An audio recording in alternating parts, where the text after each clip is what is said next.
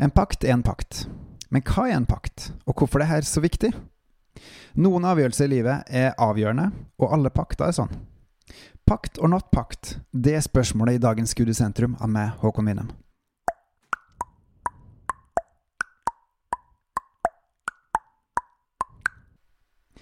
En pakt er en pakt, og det skal man absolutt ikke ta lett på. Den har forpliktelser, og de skal ikke brytes. Til forskjell fra avtaler, større og store og små, er pakten uforenlig med brudd. De skal holdes og ikke brytes. I en pakt er det to eller flere parter, og partene eh, binder seg til hverandre under paktens vilkår. De her vilkårene er felles for begge parter, og inneholder også at man ikke lenger har full råderett over det som eh, inngår som en del av pakten. Et ekteskap er et godt eksempel på det her. Partene lover å dele på alt, og man har ikke lenger full selvråderett. Fra nå av skal man bo med hverandre, dele sorger og gleder, ta ansvar for hverandre og samholdet. Man skal støtte og bygge hverandre, utfordre, utvikle og vokse sammen, og mye mer. På én side blir man aldri kvitt hverandre, og samtidig har man alltid hverandre. Under pakten vokser og utvikler man også hvordan pakten utøves, men pakten, at det er oss to, står fast til døden skiller en ad. Finnes det noe man ikke deler? Ja, hvis begge partene er enige om det. Men det kan være farlig hvis partene står uh, ulikt urettferdig. Det handler rett og slett om å gi, og til tider å få. Når begge klarer å gi, da står man sterkest. At bare én gir, kan fungere for en tid, men ofte tærer det mye på forholdet. Hvis ingen gir, vil man over tid gli fra hverandre. Og hvor sant og vis Guds vilje er, som Paulus skriver, at mannen og konen skal gi uten å forvente å få tilbake igjen. Da vil kjærligheten vokse.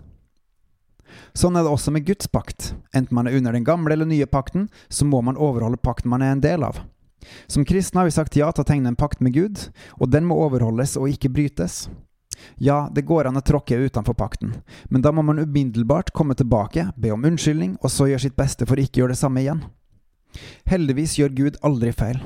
Oss derimot er det verre med. Vi ønsker å holde pakten, men svikter om og om igjen.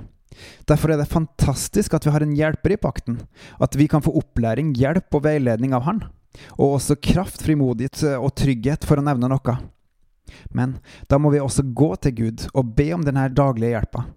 Vi må rett og slett være sammen.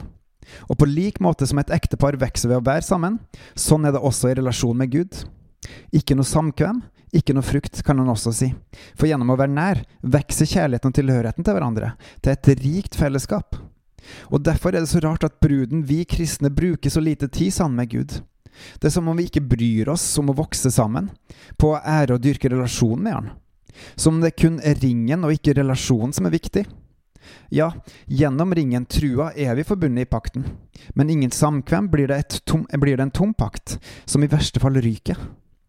Hvem vil være sammen med en som aldri bryr seg, som bare er opptatt av seg sjøl, og få og få og få?